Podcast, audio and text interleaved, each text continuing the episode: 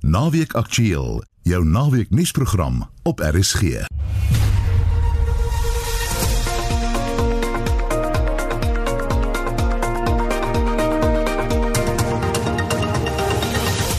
Goeiemiddag in vandag se program. Die Franse president sê sy land sal nie eensydig betrokke raak in Mosambiek nie. We could be um, available and, and very quickly so if requested. But the heart of the answer, it should be an African response um, on the request of Mozambique and coordinated with the, the, the main um, uh, neighboring countries. Reaksie op Duitsland se 18 miljard Namibiese dollar vir volksmoorde meer as 'n eeu gelede. Ons as Namibiënaars nodig daai geld baie en dit gaan 'n baie groot verskil aan ons doen. As ons terug gaan huis toe, terug by die plase, praat ons oumas en oupas nog daaroor. Ons het van dit geleer op skool. 'n Suid-Afrikaanse misdaadriller gryp wêreldwyd mense se verbeeldings aan. En die Franse Ope tennistoernooi slaan af. Ons praat met Pieter van der Berg oor die naweek se sport. Welkom by Spectrum. Die span is redakteur Wessel Pretorius en die produksieregisseur is Silwester Komane. 5 oor 12. President Cyril Ramaphosa en sy besoekende Franse amptgenoot Emmanuel Macron het albei hulle steun vir diplomatieke oplossings in die Mosambiekse krisis uitgespreek. Die samesprekings het gefokus op die COVID-19 pandemie, handel en die verslegtende konflik in Mosambiek. President Macron het gesê sy land is gereed om Mosambiek te help om terrorisme en insypelaars te beveg. Honderde mense is sedert 2017 in Mosambiek se noordelike Cabo Delgado provinsie dood en meer as 700 000 mense is ontwortel in gevegte met militante insypelaars wat met ISIS verband word verbind word. Macron het deur middel van 'n tolk gesê sy regering sal wag vir Mosambiek voordat hy enige ingryping sal oorweeg. France is available. We stand available to contribute to um, um, operations, navy operations. We have some uh, frigates as well as uh, some other uh, vessels um, uh, in the region, and they, on a regular basis. Organize operations so we could be um, available and, and very quickly so if requested but the heart of the answer it should be an african response um, on the request of mozambique and coordinated with the main neighboring countries Macron het by 'n seremonie by die Uniegebou in Pretoria gesê sy land is daartoe verbind om te verseker dat Afrika sy kapasiteit ontwikkel om in die nabye toekoms enstof te kan vervaardig. Macron het gesê bykomend tot die 30 miljoen dosisse enstof wat Frankryk aan Afrika gaan skenk, sal Frankryk ook in die ontwikkeling van produksiekapasiteit belê. It is about enabling to produce more in the existing plants and to increase the capacity, the capability of the existing stakeholders because it is a necessity to produce more vaccines, in particular in Africa. There is a very simple figure that will illustrate all of that. Africa is about 20% of the needs and 1% of the production. So, how can we do that quickly? Well, by relying on the existing capacity um, in Africa and in um, increasing our investments and increasing uh, the capacity. Macron het gesê hy sal hom beywer vir die opheffing van intellektuele regte op COVID-19 produkte tydens die G7 vergadering aanstaande maand. Hy sê die oordrag van tegnologie en kennis is van kritieke belang in die bekamping van COVID-19. Suid-Afrika en Indië het 'n voorstel ingedien by die Wêreldhandelsorganisasie vir die tydelike opskorting van intellektuele regte op enstowwe tydens die pandemie. I will support a waiver, the second solution. Let us waive uh, the um, patent for COVID 19 vaccines for the duration of this crisis. But it, according to France, intellectual property shall not in any way, shape, or form um, be a hurdle for the transfer of technology when it comes to the vaccines. I fully share the battle uh, led by um, um, President Ramaphosa and uh, Prime Minister Modi of India En dit was die tolk wat namens die Franse president Emmanuel Macron by die Uniegebou gepraat het. Die Wes-Kaapse regering meen dat die provinsie hierdie week 'n verdere 40000 dosisse COVID-19-enstof sal toedien. Ongeveer 113000 mense is tot dusver in die provinsie teen COVID-19 ingeënt. Corbin August het meer besonderhede. Gesondheidsdepartemente regoor die land is tans besig om mense wat ouer as 60 is aan te moedig om vir hul enstowwe te registreer. Die Weskaapse premier, Ellen Windy, sê die inwerkingstelling van inentings hang ook af van die voorraad wat die provinsie ontvang. We were sitting on 8,000 uh, vaccines delivered yesterday. Uh, in the last three days, uh, we'll be hitting 21,000, and uh, our target of 40,000 this week uh, looks like we'll be uh, reaching that. Of course, bearing in mind that we need to bring in the vaccines into the system as the supply comes in of the vaccines coming into the province, and then making sure we're rolling out and lifting the number of vaccines that we are getting into arms every single day. Die Weskaapse Departement van Gesondheid het inwoners versoek om voort te gaan om streng COVID-19 veiligheidsmaatreëls te volg om die impak van 'n dreigende derde golf van infeksies te verminder. Die provinsie het die afgelope paar weke 'n oplewing in gevalle gesien. Hoof van die provinsiale departement van gesondheid, Dr Keith Kloete. We need everybody to work together with us to flatten the third wave. We started phase 1 and phase 2 We are now gaining significant scale up momentum and we will scale up rapidly from here. Uh, our ability to administer vaccines in sequentially in every geographic area of the province and we need to mobilize and assist everyone over 60 to register. Die Weskaap het tans ongeveer 3600 aktiewe COVID-19 gevalle. So wat 290 000 gevalle is sedert die aanvang van die pandemie in die provinsie aangeteken met ongeveer 277000 wat herstel het. Byna 12000 mense is in die provinsie aan die virus dood, terwyl meer as 100000 dosisse COVID-19-enstof in die provinsie tot dusver toegedien is. Ek is Kobben August in Kaapstad. Net toe Namibiërs die week wou aanvaar dat 'n vergoedingsooreenkoms eindelik na 6 jaar met die Duitse regering bereik is oor die Namibiese volksmoord van 1904 tot 1908, het die land se oppositiepartye die aanbod verwerp as 'n belediging vir Namibië en sy mense. Duitsland het verlede week aangebied om 1,1 miljard euro, meer as 18 miljard rand, oor 30 jaar aan Namibië te betaal vir projekte in gemeenskappe wat deur die vergrype geraak is. Ons Namibiese korrespondent Frikkie Wallis vertel meer oor die aanloop en die jongste verwikkelinge. Die Namibiese historikus Klaus Dirks skryf in sy boek oor die Namibiese kronologie dat Samuel Maherero op die 11de Januarie 1904 opdrag aan Uwe Herero kapteins gegee het om die wapen teen die Duitse kolonialiste op te neem. Hy het dit egter duidelik gestel dat hulle hom moes weerhou van aanvalle op Rynse sendelinge bergdammeras, namas en boere. Die eerste skote het later op Okahanja geklap, hoewel dit onseker is wie die eerste geskiet het. Die geweld het daarna na die res van die land uitgebrei. Op 2 Oktober 1904 het die Duitse bevelvoerder, generaal Lothar von Trotha, 'n proklamasie uitgevaardig waarin hy die Uwahirerus met totale uitwissing gedreig het as hulle nie die gebied verlaat nie. Na raming het tussen 24000 en 100000 hereros, 10000 namas en 'n onbekende aantal sanlede in die oorlog omgekom. 'n Groot aantal van hulle in konsentrasiekampe en ook weens hongersnood en dors. Vyf Uwaherero tradisionele owerhede het die jongste aanbod die week verwerp terwyl die opperhoof van die Uwaherero tradisionele owerheid advokaat Vikoyi Rokoro in sterk bewoorde reaksie gesê het Duitsland se aanbod beteken dat die Hereros en die Namas uitverkoop word omdat meer as 2/3 van die land destyds sonder enige vergoeding onteien is en 80% van die Uwa Hereros en die Namas uitgewis is. Ek het twee afstammelinge, 'n Herero motorwag Festus en 'n jong Damaranama vrou wat by 'n Duitse hotel werksaam is Ingrid gevra wat hulle van die verwikkelings dink. Ja, ek is Herrero, ja, ek ek is tog ehm um, ek sê maar is beter as niks as ons iets te iets kry.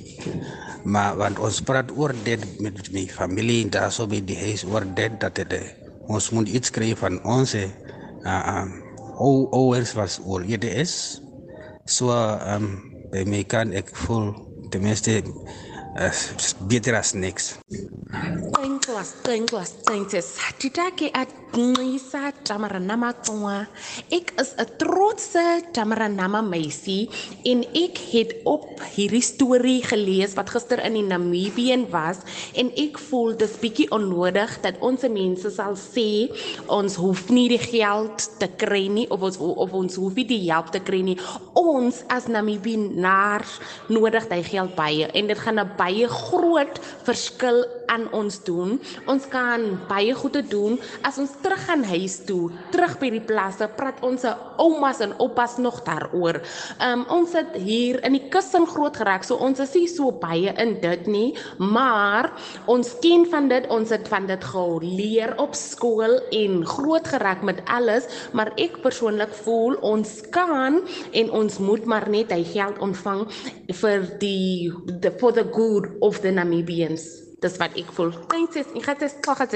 Bye bye. Ek is Frikkie Wallis vir naweek aktueel op Sok op Mond. Mooi is haar Afrikaans en dan klap sy so lekker die tong. Die Vryheidsfront Plus het 'n strafregtelike klag teen die Imfuleni munisipaliteit se administrateur ingedien weens die rioolbesoedeling van die Vaalrivier. Die administrateur, Gilberto Martins, word daarvan aangekla dat hy die nasionale waterwet, die nasionale omgewingsbestuurswet en artikel 24 van die grondwet oortree het. Imfuleni bestaan uit die gebiede Everton, Sebokeng, Vaalower, Vanderbijl Park en Vereniging. Vir meer hieroor praat ons nou met die Vryheidsfront Plus raadslid van Imfuleni, Gerda Sineka. Goeiemôre Gerda. Goeiemôre, hoe gaan dit? Nee, dit klink vir my dit gaan 'n bietjie taier daar by julle as jy so by ons.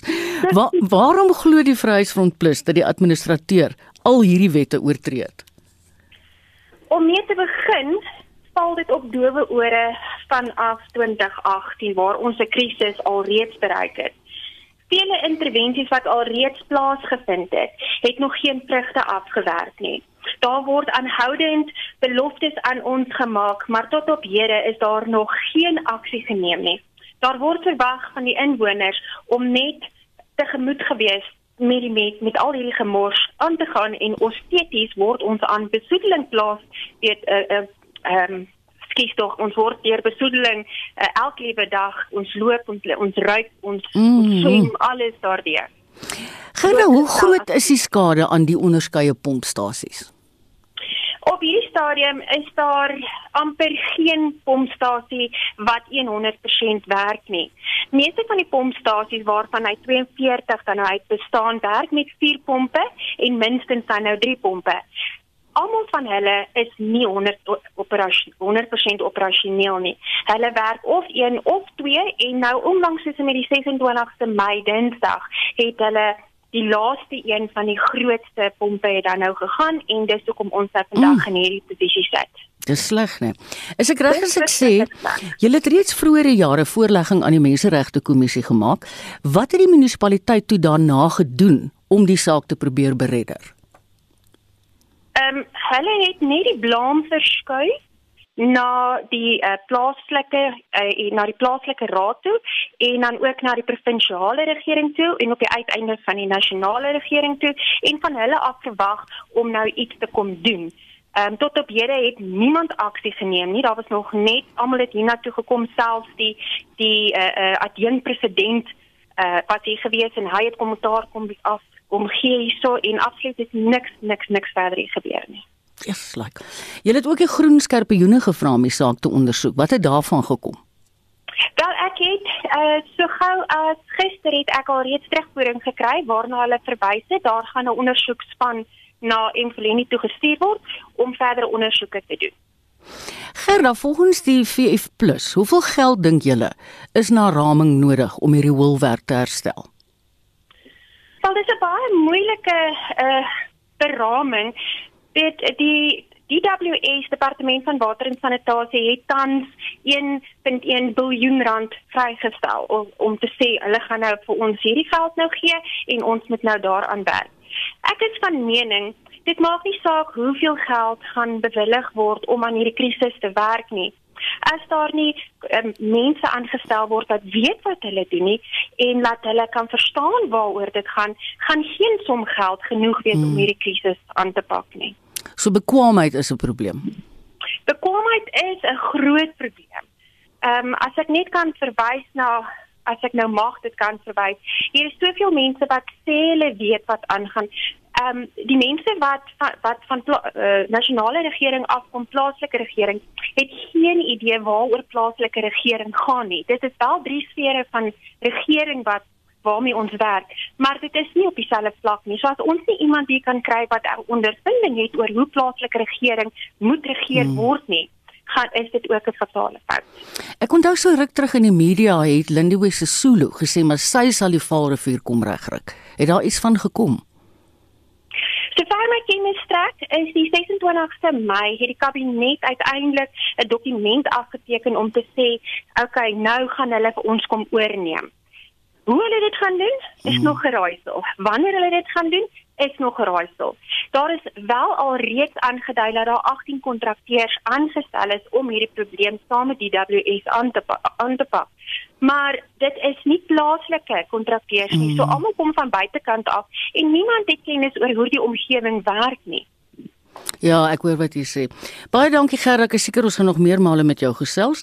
Dit was Gerda Senekal, die VF+ raadslid van die Mfuleni plaaslike munisipaliteit. Nou gaan ons oor na die poskantoor. Die het bevestig dat hy besig is om 130 van sy kantore reg oor die land te sluit, hoofsaaklik vanweë finansiële uitdagings. Ons praat nou met Johan Kreur, die Suid-Afrikaanse poskantoor se woordvoerder. Hallo Johan. Marieta. Hoekom die sluitings buiten finansiële probleme? Weet jy die grootste rede is eintlik dat daar te veel poskantore in stede is. 'n Paar jaar terug was daar 'n vereiste van die reguleerder af dat daar een poskantoor vir elke 10000 volwassenes moet wees. En op die ou end is daar toe in stede 'n poskantoor elke 3 km omtrent uitmekaar uit. Dis 'n ooraanbod. Hmm en ons is besig om dit nou te rasionaliseer. So dit gebeur net in stede en net waar die poskantore naby aan mekaar is. Ons weet nou van die 130, maar dink jy daar gaan nog vorentoe meer poskantore sluit? Nee. Nee. Is hierdie 130 die finale getal? Dit is die finale getal en 'n hele klompie van hulle het reeds saamgesmelt met ander wat wat ja. nader is, jy weet. Ja. Ons het onlangs gesels oor verskeie modelle wat jy daar gestel het om geld te maak. En ek is veral opgewonde oor die feit dat jy gesê het nie alleen kan ons ons motorlisensies by julle kry nie, maar ons kan ook ons bestuurderslisensies by julle kry. Hoe lank dink jy gaan dit neem voordat hierdie planne vrugte afwerp? Om nou eerlik te wees, die regering se mee heeltemal lanksaam. so dis regtig moeilik om te sê. En gewoonlik is daar ook wetgewing wat verander moet word. Mm. Jy weet selfs met die karlisensies wat jy kan betaal by 'n poskantoor, elke poskantoor waar daai diens beskikbaar is, moet eers in die staatskoerant gepubliseer word en dit is 'n hele uh proses mm. van administrasie. So dit gaan nog lank neem voor ons ander regeringsdienste kan ja. by ons uit. So ek moenie nou al te opgewonde raak nie, né nee, Johan? Jy kan uitsien daarna, maar moenie opgewonde raak. Kan dit nog in my lewenstyd gebeur? Baie dankie. Dit was Johan Kreer. Hy is die Suid-Afrikaanse Poskantoor se woordvoerder. Kyk, ons kan nie op 'n Saterdag met mekaar gesels en nie oor sport praat nie. Pieter van der Berg, soos gebruiklik, het hy al sy oë op die sportveld. Hallo Pieter. Daar's hy Marita en sommer die ore ook hoor. ja, ek hoor jou. Gister het jy 'n monitor, 'n vreeslike bleek prentjie van die Australiese rugbyspanne geskets. Gaan dit nou die naweek daarin beter? Jong ek is bevrees, jy weet daar die eerste twee naweke nie goed gegaan in die Trans-Tasmaanse rugby reeks met die Aussies nie. In die 10 wedstryde kon hulle nie een wen nie, maar kom ons loop na die uitslae. Ek het so bietjie beter nuus as ons by die wedstryd wat uh, tans aan die gang is. As ons daarna kyk, is dit die Reds wat sopas 'n 3 gedruk het nog. Hulle is nou met 12 punte op die tellbord en die Chiefs het 3 punte, maar dis die enigste Aussie span sover wat 'n uh, bietjie voorloop in 'n wedstryd. Die ander uitslae, die Hurricanes het die Western Force geklop met 43-6. Die Hurricanes het daar 7-3 gedruk. Dan eh, die Waratahs, hulle het verloor 28-54 Crusaders druk 8-3 teen die drie van die Waratahs en dan so rukkie gelede was dit die Blues wat die Brumbies getop het met 38-10. Soos ek sê op die oomblik, die Reds dan voor 12-3 uh, teen die Chiefs en dan môre die laaste wedstryd daardie reeks die Highlanders en die Rebels wat gaan kragte met om 25 minute voor 5 môreoggend Suid-Afrikaanse tyd. Dan hier in Suid-Afrika neem die spanning so 'n bietjie ruskans. Dis natuurlik in die Reënboog beker reeks en daar is een wedstryd vanmiddag so 'n bietjie van belang. Die Cheetahs wat weer vir 'n slag op die veld gaan wees om 4 uur speel hulle teen die Toyota uitnodigingsspan en daardie span is saamgestel uit Lions, Bulls, Sharks, Stormers en klubspelers. So hulle kry so 'n bietjie oefening vanmiddag die Cheetahs.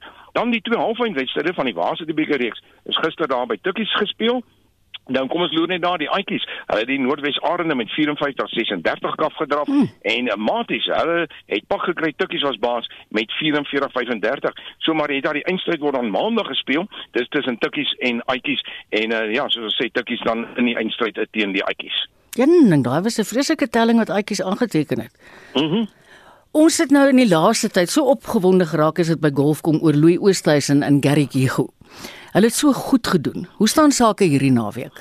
Ja, dit gaan nie so goed met die Suid-Afrikaners nie, maar dit het soveel naweke van van pret en lekker te gehad dat ons kan seker verstaan dat die manne so bietjie uitsak weer vir 'n slag op uh, daar's drie toernooie tans in die buiteland aan die gang. In Europa is die tweede ronde van die Himmerland toernooi in Denemarke gister voltooi. Om die waarheid te sê, die derde ronde reeds aan die gang, maar op die voorlopersbord is dit Bernd Wiesberger wat nog voor is op 1100 syfer, Matthias Schwab, hy toe agter hom op 900 met Alexander Bjork daar op 800. Heidi Porteus en Matthias Keiser, hulle is die besgeplaaste Suid-Afrikaners Hulle is daar waar daar op 500 syfer.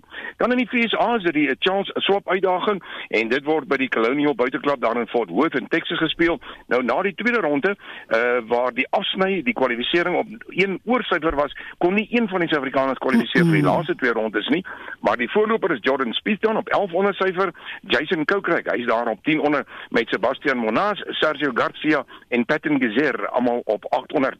Dan moet ons ook 'n uh, draai maak by die LPGA toernooi vir vroue, dis hulle pypiespel toernooi wat daar in Las Vegas plaasvind op die oomblik. En uh, nou ja, gister is die derde en die laaste groepwedstryde gespeel en Suid-Afrika se Ashley Bohai sy teen Jenny Coleman gelyk op gespeel wat beteken dat Ashley nie kwalifiseer vir die laaste 16 nie. Maar baie interessant onder daardie laaste 16 vrouens is dit uh, dan natuurlik die laaste fase wat nou vandag begin. Daar is net een speler wat al drie jaar groepwedstryde kon wen en dit was Daniela Kang geweest. Hm. Die Giro d'Italia fietstoer loop vandag ten einde. Wat het gister op die voorlaaste skof gebeur? Ja, jy verwys natuurlik na die 19de skof wat gister gejaag is, na die skofwenner daar was Simon Yates van Groot-Brittanje. Hy het in 4 uur 2 minute 55 sekondes daardie uh, skof voltooi. Uh, Joao Almeida van Portugal was tweede 11 sekondes na hom en die voorloper in die toer Egan Bernal, hy is van Kolumbie, nou hy het die derde plek ingeneem 28 sekondes na Yates. Nou algeheel soos ons sê Egan Bernal dan van Kolumbie die voorloper en in die tweede plek uh, Damiano Caruso van uh, Italië, hy is 2 minute 29 sekondes agter Bernal en dan Simon Yates wat gister geseëvier het, hy is 2 minute 49 sekondes agter Bernal. Daardie 20ste en laaste skof Marietta is 163 km lank en dit is van Spulga na Alpa Mota. Jo, dis am lekker as 'n groot fietswedren nou aan die gang is. Jy weet ons het verlede jaar so min tennis gehad. Ons het eintlik min sport gehad. Maar as daar nou ene is wat ons baie graag na kyk, is dit die Franse Ope. Ek moet jou ja, ja, sê en jy ja, ja. sê dis letterlik enkele ure van ons af weg daar in Parys. Hoe staan die huidige stand in die ATP en die WTA toernooie? Ja, jy verwys na die Franse Open. Nou so sê môre begin daardie toernooi duur 3 weke, maar kom ons kyk dan na die uh, mans wat in die ATP reeks fokus daar op Servië. Nou die halfeindig gister daar gespeel. Alex Molken het vir Findreko Delbonis met uh, 4-6 6-4 en 6-4 geklop en dan Novak Djokovic het ook drie stelle nodig gehad om ontslae te raak van Andre Martin en die telling daar 6-1 uh, 4-6 en 6 stroop. En dan in Strasbourg daar in Frankryk is er die internasionale vroue toernooi se halfeind wat ook gister beslis is. Uh, Barbona Kechakova het met Jay Niemeyer afgereken en eh, die ander speler deur na die eindstryd toe vir vandag is Sorana Christia, sy het afgereken met Magdalinet. Jy weet laas nou ons twee gepraat het oor MotoGP wedrenne. Het die twee Binderbroers nie te waffers gevaar nie. Mm, mm. Maar hierdie naweek jaag hulle in Italië, né? Ja, hy's doodreg, dis dit is so. Ehm um, dis 'n uh, Mugello, dis waar die Italiaanse Grand Prix plaasvind. Nou die hoofwedren word môre om 2 uh, uur gejaag. Uh, Fritz Klaaste, hy sal môre middag ons luisteraars op hoogte van gebeure. Maar baie interessant, jy verwys aan die Binder Broers gister in die eerste oefensessie was Brad Binder in die MotoGP net 14de vinnigste en in die tweede een baie beter 5de vinnigste op die oomblik. Ja, ja, hulle met hulle derde oefensessie wat uh, aan die gang is daar. Uh, ons kyk net gou wie was die vinnigste gister, Maverick Vinales, uh, Vinales uh, op sy Yamaha hy was daar uh, die vinnigste gewees in die eerste oefenren en Francesco Bagnaia op 'n Ducati in die tweede ene. Maar soos ons sê Brad Binder dan goed gevaar daar in die tweede oefensessie met die van, vyfde vinnigste tyd. Dan in Moto3, die eerste oefensessies gister, Andrea Mikno was die vinnigste met 'n Darren Binder vyfde vinnigste en in die tweede oefensessie kan jy glo Darren Binder die vinnigste met Dennis Foggia daar in die tweede plek. Nou die derde oefensessie is reeds voltooi so 'n paar minute gelede. Darren Binder, hy is algeheel nou na daardie oefensessie in 'n saamgestel gestelde sewende plek wat die tye aanbetref. Kom ons praat gou oor hierdie verskriklike groot sokkereindstryde van die jaar wat afgehandel word. Wat is die plaaslike aksie? Ja ja, die in FIFA se internasionale venster gister, Italië het afgereken met San Marino 7-0, 'n groot oorwinning. Vandag in DStv se Premier League gaan Swallows teen Sundowns om 5uur. Dan in die Engelse Kampioenskap is dit vanmiddag om 4uur Brentford teen Swansea en dan die groot UEFA se Kampioenligga eindstryd. Natuurlik een van die grootes van die jaar word vanaand beslis. Dis Man United, ekskuus, Man City verskoning teen Chelsea. Daardie wedstryd begin om 9uur en dit word in Porto gespeel. Jody Hendricks natuurlik eh, Marita vanmiddag van 3uur tot 6uur weer in die sportateljee wees met al die RSG sportsake en dan maandagooggend in monitor is ek terug met die jongste uitslae. Pieter ek het vroeër vanoggend gesien op die BBC of Sky, ek kan nie onthou nie dat omtrent die hele Engeland het Porto toe gegaan om hierdie te gaan kyk. Ongelooflik, maar ek moet sê die goeie nuus is blykbaar is die reëls uh, wat wat uh, COVID omtref baie baie streng en kom ons uh, hoop dat uh, ja. die mense nie blootgestel gaan word nie, maar ja, dit is 'n groot UEFA Kampioenligga vanaand, ja. Baie dankie Pieter, dit klink my jy gehard werk die naweek. Dit was Pieter van der Berg, ons sportkaptein. Die Russiese president Vladimir Putin en die president van Belarus, Alexander Lukasjenko, het gister mekaar in die Russiese stad Sochi ontmoet. Die groot besprekingspunt op die agenda was die noodlanding van 'n Ryanair vlug in Minsk, waarna Belarusiese owerhede 'n joernalis in hegtenis geneem het. Anne Marie Jansen van Vuren berig. Die Ryanair vlug het vanaf Griekeland na Litouwe gevlieg, maar tydens die vlug het Belarusiese vlugbeheerders die vlugpersoneel laat weet dat hulle 'n bom aan boord het. Daarom het die Ryanair vlieëniers 'n noodlanding in die hoofstad van Belarus, Minsk, uitgevoer. Die bomdreigement was toe glo bloot oorverblindery gewees. Die rede om die 26-jarige joernalis Roman Protasevich 'n vurige kritikus van Alexander Lukasjenko in hegtenis te neem. So vertel die oppositieleier van Belarus, Svetlana Tsikhanouskaya. Sy sê teenstanders van Lukasjenko betoog reeds reg oor Belarus om hul misnoë met Protasevich se arrestasie te toon. There will be the second and I'd say the final wave of demonstrations because protesting movement hasn't ended. It's always uh, was continuing.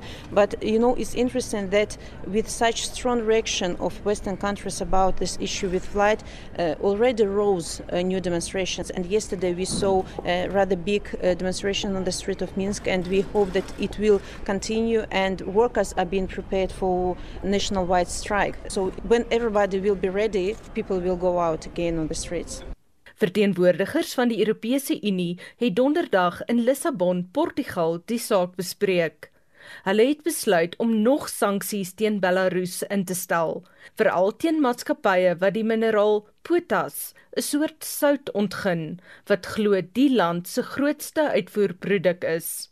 Intussen het die EU die kontinent se lugdienste aangeraai om eerder Belarus se lugruim te vermy. Volgens hulle kan Protasevich se arrestasie as 'n ontvoering beskou word.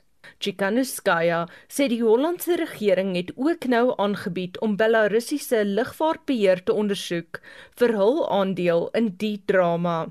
Involvement of many countries will be more powerful and of course dutch government I, i'm sure they will put as much efforts as necessary to start investigation on a case about flight and uh, recognizing uh, lukashenko's regime as terroristic Maar dit het nie Lukasjenko of sy bondgenoot Putin afgeskrik nie. In 'n kort greep van hulle gesprek wat regstreeks op verskeie nuuskanale uitgesaai is, het die twee saamgestem dat die weste die situasie heeltemal oordryf. Hier som die BBC se korrespondent in Moskou, Steve Rosenberg, dit op. All we've seen so far are a few minutes of chit chat between the two leaders before the start of their talks. It was interesting. Mr. Lukashenko referred a couple of times to a, a black briefcase which he brought with him and said it contained documents that he'd show Vladimir Putin that would prove who is causing problems, he said, in Belarus. Then he pointed to it again later and said he would show documents about the Ryanair drama. And that's when he said that an attempt was being made to stir up trouble, to destabilize the situation in Belarus and create a repeat of August 2020. When, of course, there were these massive anti government protests, protests against his rule. For his part, Vladimir Putin was all smiles, talking about economic ties between their two countries, and one point talked about the weather and said that the sea was getting warmer and warmer, and invited Mr. Lukashenko to take a dip in the sea. Die groot vraag bly egter of Rusland sal voortgaan om Belarus op ekonomiese front te ondersteun, veral in die lig van verskerpte sanksies en Rusland se verhouding met die VSA onder president Joe Biden se bewind. Rosenberg sê Russiese ontleeders is skepties hieroor, aangesien Lukasjenko tot dusver nie bereid was om Putin meer politieke mag binne Belarus te gee nie. Almost certainly, President Lukashenko will be asking President Putin to reach into his pocket, pull out his checkbook, and to give him subsidies, loans, financial guarantees to keep the economy in Belarus afloat. Verskeie Europese ontleeders spekuleer dat Lukasjenko nie in hulle woorde so dom as trant sou wees om by Europese lugvaart in te meng sonder Putin se goedkeuring nie. Maar volgens Rosenberg is daar nog geen inligting beskikbaar wat hierdie stelling staaf nie.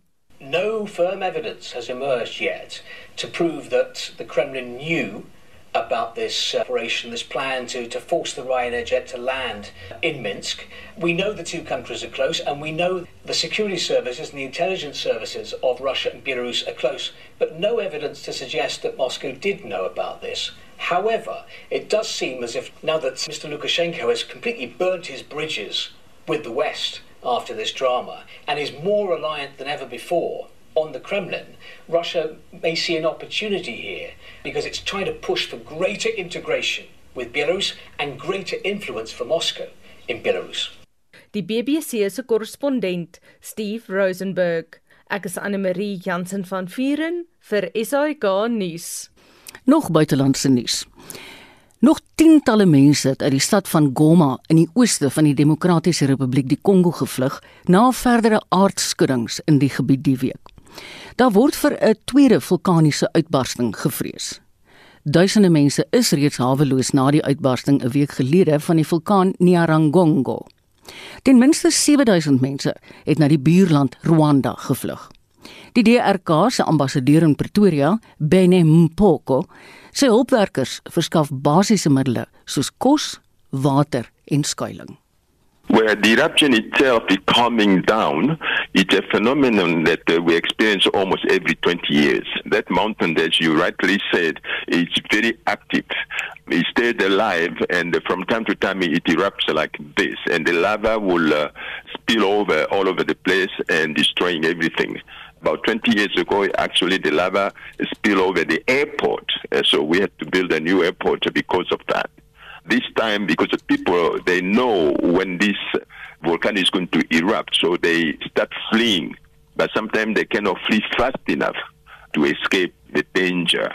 So it's a very unfortunate uh, situation we have a very few deaths reported, but uh, the most damage is done in terms of people fleeing and trying to find a refuge either in the neighboring country of Rwanda or inside the DRC itself.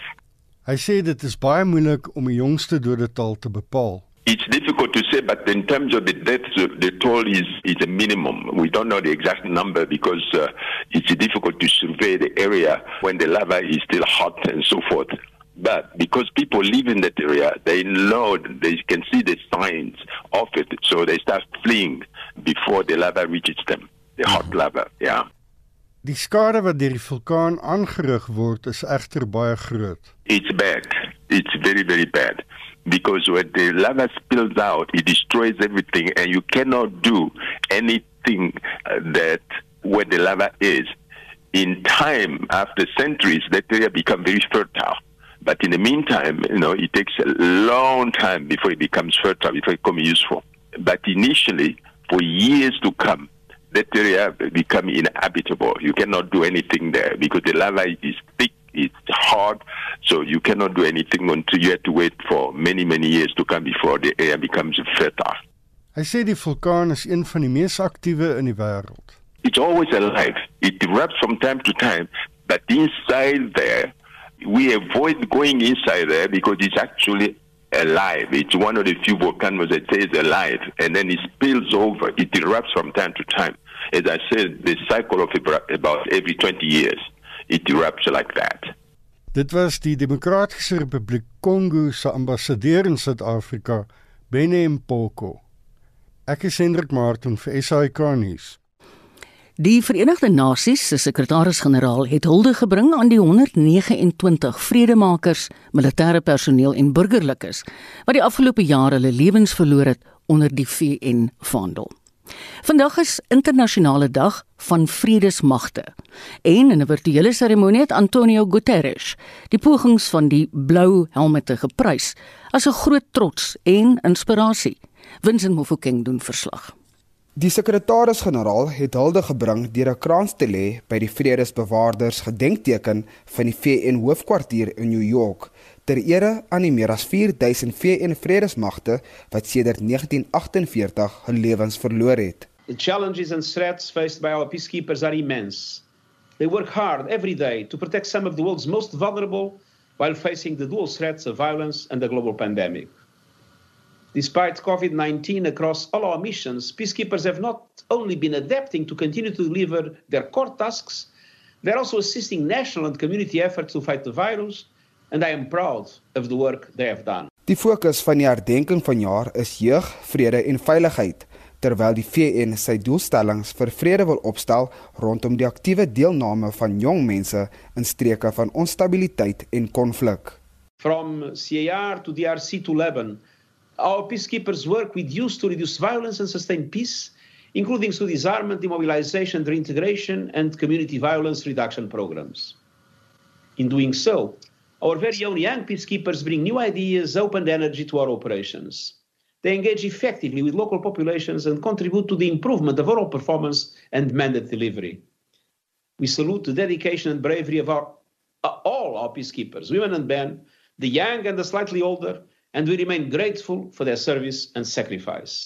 Ongeveer 58000 burgerlikes, polisie en militêre personeel word tans ontplooi in 12 vredesoperasies wêreldwyd, 6 in Afrika. Die adjunk sekretaris-generaal vir vredesoperasies, Jean-Pierre Lacroix. Our peacekeepers operate in increasingly dangerous and challenging environment. And there is no better way to honor the sacrifice of those who gave their life in the service of peace than to redouble our efforts to improve the safety and security of our peacekeepers. Die VN vereer ook die Keniaanse vredesbewaarder, Major Steplin Nyaboga, as sy militêre geslagsadvokaat van die jaar, wat in die Afrika Unie VN missie in Darfur, Sudan van 2019 tot Februarie vanjaar gedien het. For this, I express my sincere gratitude to the United Nations, particularly the Department of Peace Operations, for promoting gender, women, peace, and security within its operations. During my two year deployment with UNAMID Force Headquarters, from February 2019 to February 2021, I gained invaluable lessons and experiences. For instance, when women IDPs in Zalinje expressed security concerns preventing them from accessing their farmlands, we put in place enhanced gender responsive patrols along farming areas. This helped create an enabling environment for women as they farmed, and I'm proud of this achievement, which showed that when all components of the UN peacekeeping mission work together, we all win. Sedert 1948 dien meer as 1 miljoen vroue en mans in 72 vredesoperasies van die Verenigde Nasies wat miljoene mense direk beïnvloed en talle lewens gered het. Die verslag is saamgestel deur Shawn Bryce Peace in New York. Ek is Vincent Mufokeng vir SAI Garnis. Nou is dit tyd vir karre. In ons weeklikse motorrubriek toets Wessel Pretoria se Mazda.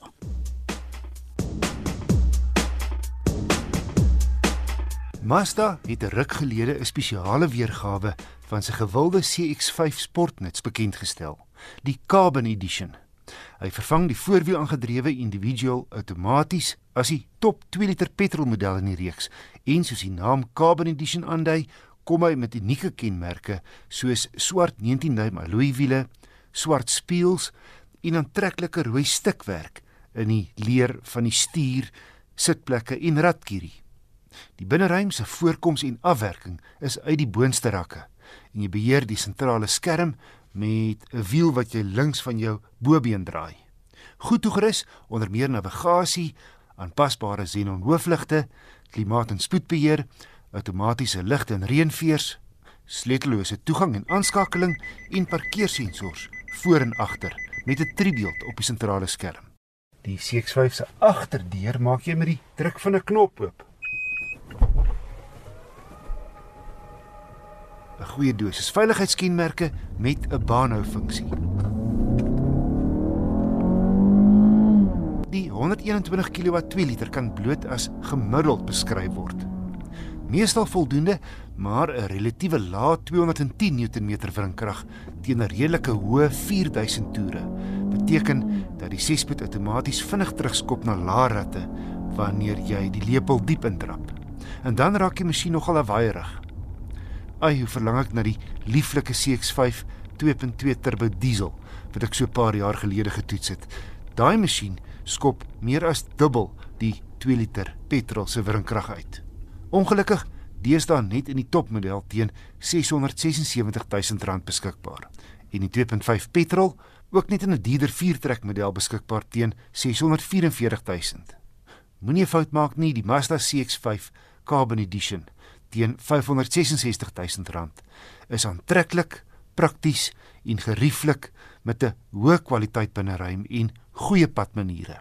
Maar soos ek laas oor die Toyota RAV4 gesê het, dis net jammer dat mens ver oor die 600 000 moet optok net om 'n sterker kragbron as 'n nie aangejaagde 2 liter te kry. Want gesinne wat die CX5 gaan volpak en dalk 'n waantjie sleep, gaan op die kragtappende hoëveld meer krag soek teen opdraandes. Terloops hierdie Carbon Edition is oor see met 'n 2.5 turbo petrol beskikbaar.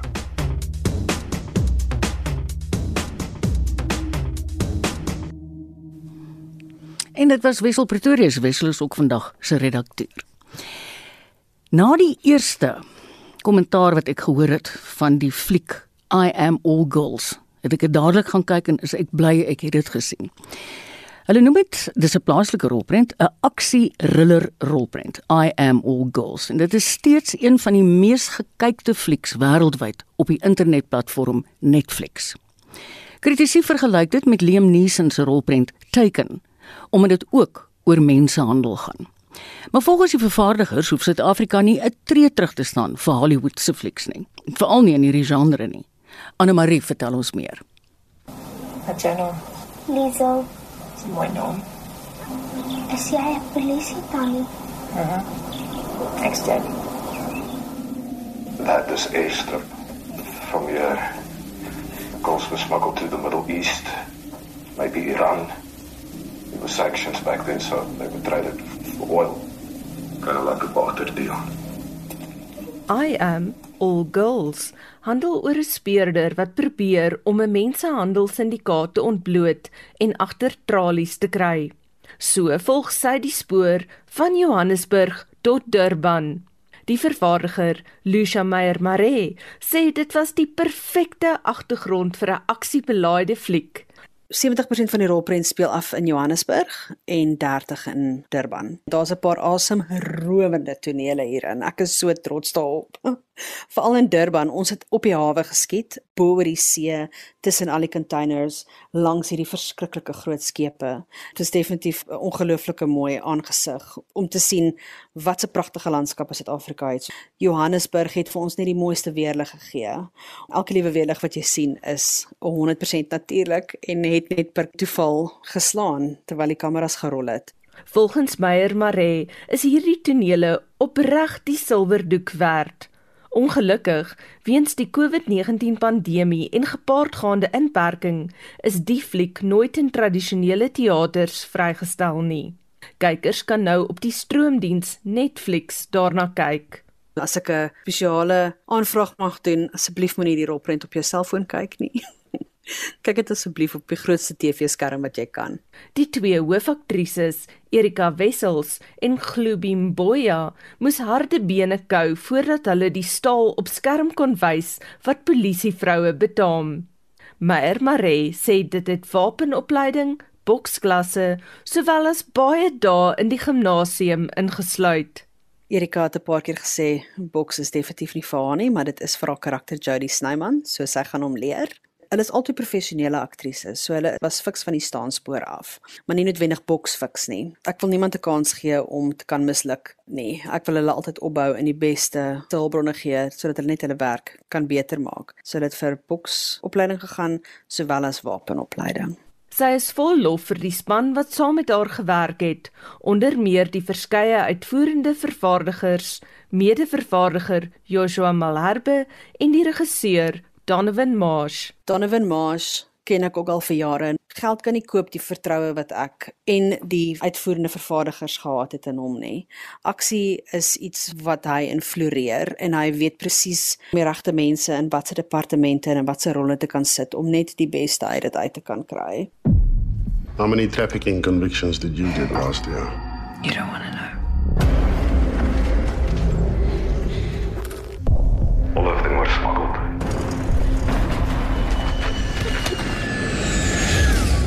Some were used, then killed.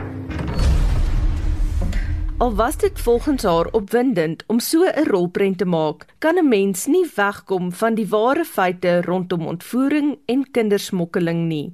Dit is tog waarop die rolprent gegrond is. Hierdie onderwerp het Meyer Maree van jongs af aangegryp en sy het selfs 'n kortfilm in haar studentedae daaroor gemaak. Dit is geïnspireer deur ware verhale wat gebeur het toe ek en jy in die 80s jong meisies was. Ja, Anne-Marie, weet jy, dit kom heeltyd terug op my spoor en die studentefilm waarna jy verwys se naam is Escudo. Dit het in 2006 die heel eerste SAFTA gewen vir Best Student Film. En om twee rolprente te gemaak het wat handel oor mensehandel oor 'n tydperk van 15 jaar was eintlik vir my aangrypend om die verskil te sien oor hoe mense hierdie keer reageer daarop. Die absolute hel waardeur hierdie mense gaan. En baie mense wil dit nie sien nie en hulle wil nie met daardie harde realiteit deel elke dag nie. So om hierdie rolprent te kon gemaak het waar dit nie net oor die gruisame realiteite en waarhede van dit handel nie, was eintlik vir my verfrissend want daar's 'n paar pragtige oomblikke in die rolprent ook. Dit is nie alles net hartseer en swaar. Ons vier ook die lewe en ons vier liefde en vriendskap, kameraadskap in hierdie rolprent. Lucia Meyer Maree, een van die vervaardigers van die rolprent I Am All Girls. Ek is Anne Marie Jansen van Vuren vir SAK nuus. Die akteur Ben Creer wat hierdie week oorlede is, het 'n klein rolletjie in hierdie fliek gespeel. En neem gerus my woord daarvoor, I Am All Girls is 'n uitstekende rolprent. Beskikbaar op Netflix. Die minister van Justisie en Korrektiewe Dienste, Ronald Lamola, het die Kwasa leersentrum amptelik geopen by die Oudtshoorn Korrektiewe Gerief in die Klein Karoo. Die fasiliteit het ook 'n groenteboerdery wat deur die oortreders versorg word en is deel van die departement se selfstandigheidsmodel om oortreders se arbeid te benut. Tanya Krause doen verslag. Die Oudtshoorn Korrektiewe Sentrum is onderweg na selfstandigheid. Die oortreders het oor 'n tydperk van 'n jaar met die hulp van plaaslike boere die veldgrond rondom die eiendom in 'n groenteplaas ontwikkel. Hulle produseer nou meer as 20 ton vars groente. Dit voed nie net oortreders hier nie, maar ook by ander korrektiewe instellings in die Karoo, asook tuise vir bejaardes. Daar is 21 groenteplase by korrektiewe sentrums landwyd wat ook al eie kos produseer. Dit help om finansiële druk te verlig. Die provinsiale kommissaris vir korrektiewe dienste, Delekile Klaas, sê dit hou die oortreders besig en hulle tel ook waardevolle vaardighede op wat hul naal vrylating kan gebruik. So even where we had farms before, we are now upscaling production in those farms so that we should not find ourselves in a situation where we buy uh, vegetables which we could produce because I'm of the view that we've got enough land and that land must enable us to produce enough for the facility. Die oortreders hier het binne 3 maande al eie skool gebou. Hulle vervaardig ook skoene, klere en ander produkte. Hierdie model sal uiteindelik uitgebrei word na alle geriewe landwyd. Minister Lamola sê hulle wil hê dat alle fasiliteite binne 5 jaar selfstandig moet wees. The project entails uh, what we call the, to build the capability of the state to be able to self to be self-sustainable, and in that it means that the offenders are going to do a lot of the work, including that they will gain skills from that, but also the state will be able to save cost as we are living in a very difficult fiscal environment, and this is intended that countrywide, the Department of Correctional Service must be able to be self-sustainable. Van die oortreders kon nie eers lees of skryf nie. Gladys Tenge sê vandat sy by die leersentrum ingeskryf het, kan sy uiteindelik haar eie naam skryf en wil sy nog baie meer leer. Ek hoop wanneer ek uit die tronk is met 'n vaardigheid dat ek my lewe daar buite kan verander. Die program duur vandag by die George Korrektiewe Fasiliteit voort, waar die minister 'n apteek by hul gesondheidssentrum sal open wat ook deur die oortreders gebou is. Ek is Tanya Krause op Oudtshoorn. Ja, dit is altyd lekker as 'n mens kommentaar luister want dan kry jy sommer so 'n opsomming van alles wat in die nuus daai week gebeur het. Onthou gerus, jy kan enige uitsending van Monitor Spectrum naweek aktueel kommentaar einste of finansiële fokus op RSG se webblad as 'n potgooi kry. Gaan net na rsg.co.za.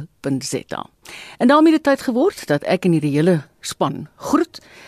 Redakteur vandag en die waarnemende uitvoerende regisseur is Wessel Pretorius.